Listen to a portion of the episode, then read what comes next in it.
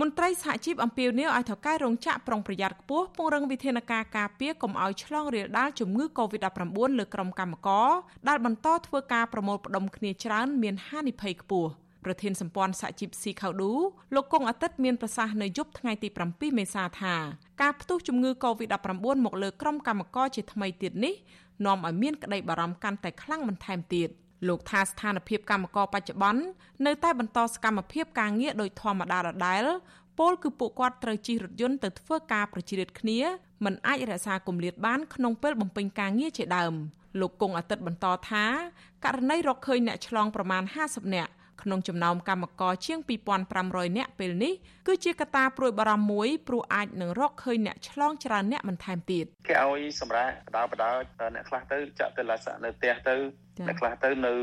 សាលារៀនអ្នកខ្លះអីទៅហើយអ្នកដែលឆ្លងគេយកទៅព្យាបាលទៅហើយបន្តធ្វើតេស្តកំហាអីទៀតចឹងម្ដងមកហ្នឹងគេឲ្យសម្រាប់មួយរយៈសិនមិនទាន់សម្រាប់គ្នាឲ្យច្បាស់ថាដូចជាមួយចំហៀនមួយចំហៀនចឹងណា ការលើកឡើងនេះធ្វើឡើងក្រោយពីមន្ត្រីសុខាភិបាលរកឃើញថាកម្មករកម្មការនីរោងចក្រកាត់ដេរនៅរោងចក្រឌីនហានស្ថិតនៅផ្លូវដួងងៀប2ភូមិថ្មីសង្កាត់ស្ទឹងមានជ័យទី3ខណ្ឌមានជ័យរាជធានីភ្នំពេញប្រមាណ50នាក់មានជំងឺ Covid-19 ក្នុងចំណោម2500នាក់ដែលកំពុងបន្តធ្វើតេស្តនិងដាក់ឲ្យធ្វើចតាលិស័កកាលពីយប់ថ្ងៃទី7ខែមេសា តកតងទៅនឹងការឆ្លងជំងឺ Covid-19 ចូលក្នុងរោងចក្រនេះអ្នកនាំពាក្យសាលារដ្ឋាភិបាលភ្នំពេញបានអំពាវនាវតាមរយៈសារសម្លេងចែកចាយនៅលើបណ្ដាញសង្គម Telegram មន្ត្រីព័ត៌មានសាធារណៈជំរុញឲ្យកម្មករក្នុងរោងចក្រទាំងអស់ចូលខ្លួនធ្វើតេស្តរកមេរោគនេះជាបន្ទាន់ពុំដូច្នេះទេពួកគេនឹងមិនត្រូវបានអនុញ្ញាតឲ្យចូលធ្វើការវិញឡើយ។ បុគ្គលដែលមិនសហការជាមួយនឹងមន្ត្រីសុខាភិបាលដើម្បីយកសំណាក់ទៅវិភាគនោះគឺអាចនឹងប្រឈមជាមួយនឹងការផាកពិន័យអន្តរការពី1លានទៅ5លានរៀលហើយទោះបីជាមានការពិន័យក៏ដោយក៏បុគ្គលនោះ ដែលប្រព្រឹត្តនៅបទល្មើសនេះក៏មិនអាចរួចផុតពីកាតព្វកិច្ចដែលត្រូវតែធ្វើសំណាក់នេះដដាលនោះទេអាស៊ីសេរីមិនអាចតាក់ទងណែនាំពាក្យក្រសួងការងារនិងបណ្ដុះបណ្ដាលវិជ្ជាជីវៈលោកហេងសួរដើម្បីសាកសួរបន្ថែមជំវិញករណីឆ្លងជំងឺ Covid-19 ក្នុងចំណោមកម្មកររោងចក្របាននៅឡើយទេ កាលពីយប់ថ្ងៃទី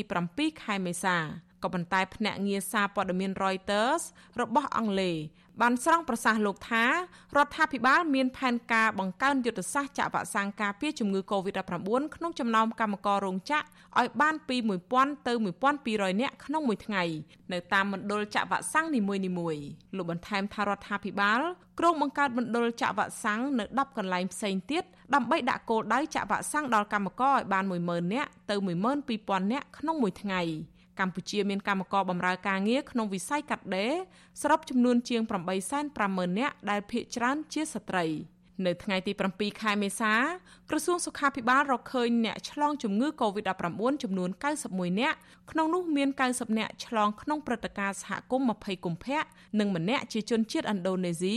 ដែលជាអ្នកដំណើរមកពីក្រៅប្រទេសចំណែកអ្នកជាសះស្បើយមានចំនួន30នាក់ ចំនួននេះមិនរាប់បញ្ចូលកម្មករប្រមាណ50នាក់ដែលទើបរកឃើញឆ្លងថ្មីនៅយប់ថ្ងៃទី7ខែមេសានោះទេ